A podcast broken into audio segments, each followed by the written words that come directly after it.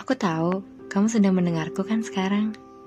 Makasih ya, kamu udah mau berjuang dan terus melanjutkan perjalanan kita. Ya, meskipun sempat terhenti karena kamu lelah dan menyerah, tapi tak apa. Buktinya kita masih bisa terus melangkah.